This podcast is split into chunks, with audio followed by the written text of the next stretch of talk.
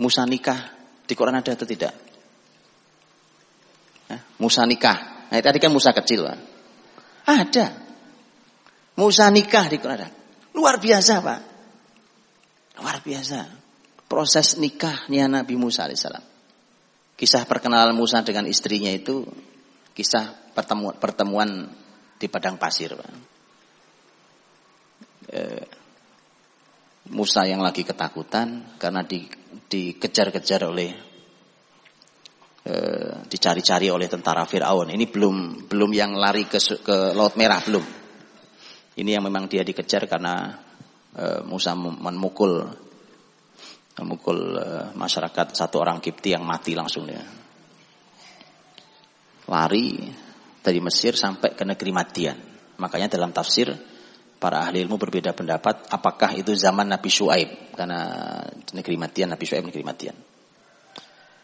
Sampai negeri Madian dilihat banyak penggembala lagi gembala dam, e, dombanya mereka lagi memberi minum dombanya. Para penggembala dengan dombanya masing-masing ada sumur sumur mereka ngambil air gantian. E, Musa yang sebenarnya sedang ketakutan lari itu duduk di bawah sebuah pohon kemudian nyender kemudian ngelihat ada pemandangan janggal. Karena di antara semua penggembala laki-laki ada dua perempuan yang menjauh dari para penggembala laki-laki. Ternyata dua perempuan itu juga menggembala. Menggembalakan kambing-kambing mereka dan nanti oleh Quran dikasih alasan mengapa perempuan ini mengerjakan pekerjaan laki-laki. Karena penggembalaan itu pekerjaan laki-laki, Pak. Maksudnya pekerjaan laki adalah karena pekerjaan itu berat. Secara fisik dia berat. Ternyata nanti Quran memberikan alasan bahwa ayahnya kedua putri ini sudah tua. Eh, singkat kata dibantu begitu penggembala sudah pergi semua oleh Musa dibantu. Sumur itu ditutup pakai batu. Pak. Batu itu baru bisa diangkat oleh sekian laki-laki. Ya perempuan gimana ngangkatnya itu? Maka Musa yang angkat batu itu sendirian kemudian dipindahkan baru diambilkan airnya dibantu. Sudah selesai perempuan terima kasih dia pergi dua orang. Musa duduk di bawah sebuah pohon itu kemudian berdoa pada Allah. Ya Allah saya memerlukan bantuanmu. Karena Musa ketakutan saya. Gitu.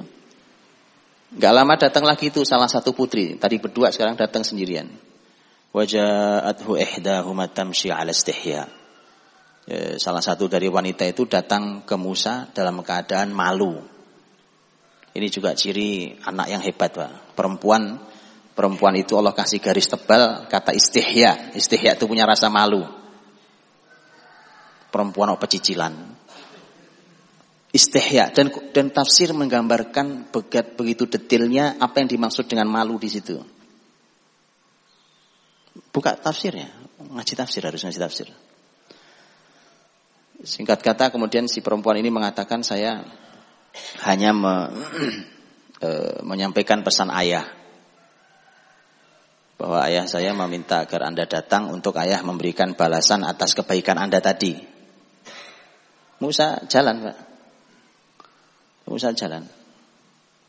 E, ada ada yang menarik. Intinya begitu sampai di sana ternyata oleh bapaknya e, bukan hanya diberikan perlindungan, sudah nggak perlu takut lagi di sini kamu aman, diberikan makan minum, bahkan ditawari salah satu dari gadis itu.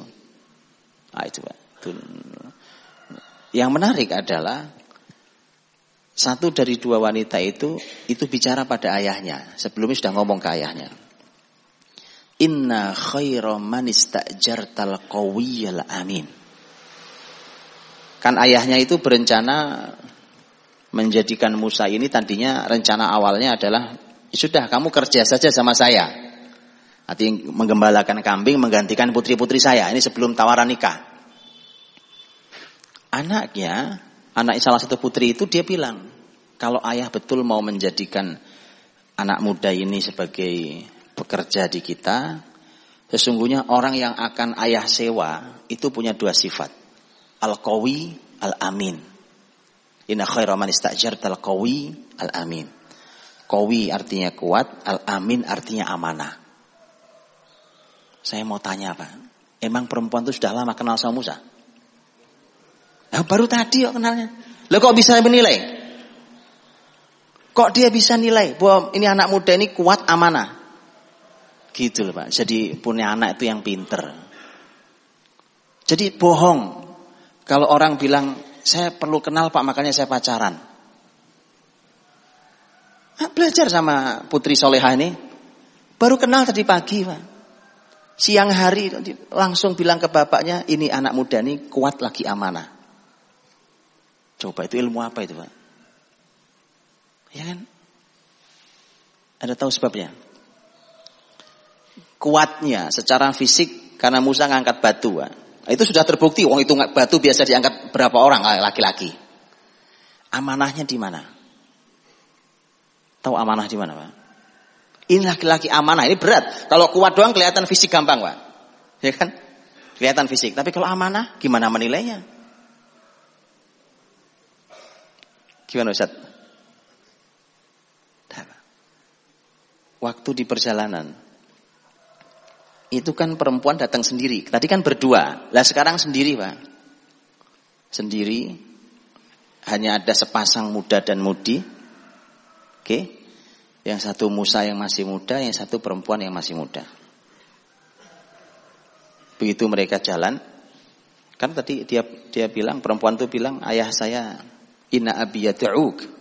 Ayah manggil Anda untuk ayah memberikan balasan. Ya sudah, kata Musa, jalan. Dalam tafsir disebutkan, kan.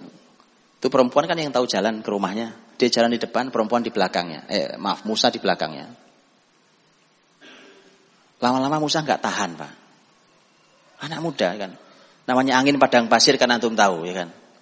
Di depannya ada gadis, ya. Di belakangnya ada lelaki, angin tiup, tiup kanan, tiup kiri, lama-lama. Ini angin padang pasir nakal juga lama-lama. Oke. Musa bilang, "Dek mundur ke belakang." Saya duluan. Kan tapi aneh, emang tahu rumahnya, kan nggak tahu rumahnya. Kata Musa gampang. Saya akan jalan terus lurus. Kalau saya harus belok kanan, lempar kerikil ke kanan. Kalau saya harus belok kiri, lempar kerikil ke kiri. Kalau lurus jangan dilempar. Kan saya jangan lurus ya. Di depannya ada Musa. Kanan dan kiri. Tuh lihat. Wanita itu mudah menyimpulkan bahwa ini laki-laki amanah. Pak. Berdua. Gak ada yang lain. Berdua di pasir sepi di. Ya kan? Begitu Pak. Itu yang cocok jadi mantu. Yang begitu Pak cocok jadi mantu. Wah anak dibawa ke mana-mana diambil jadi mantu. Itu gak cocok Pak. Makanya kan tadi saya bilang, belajarlah dari Quran, panduan apa saja tentang berkeluarga ada.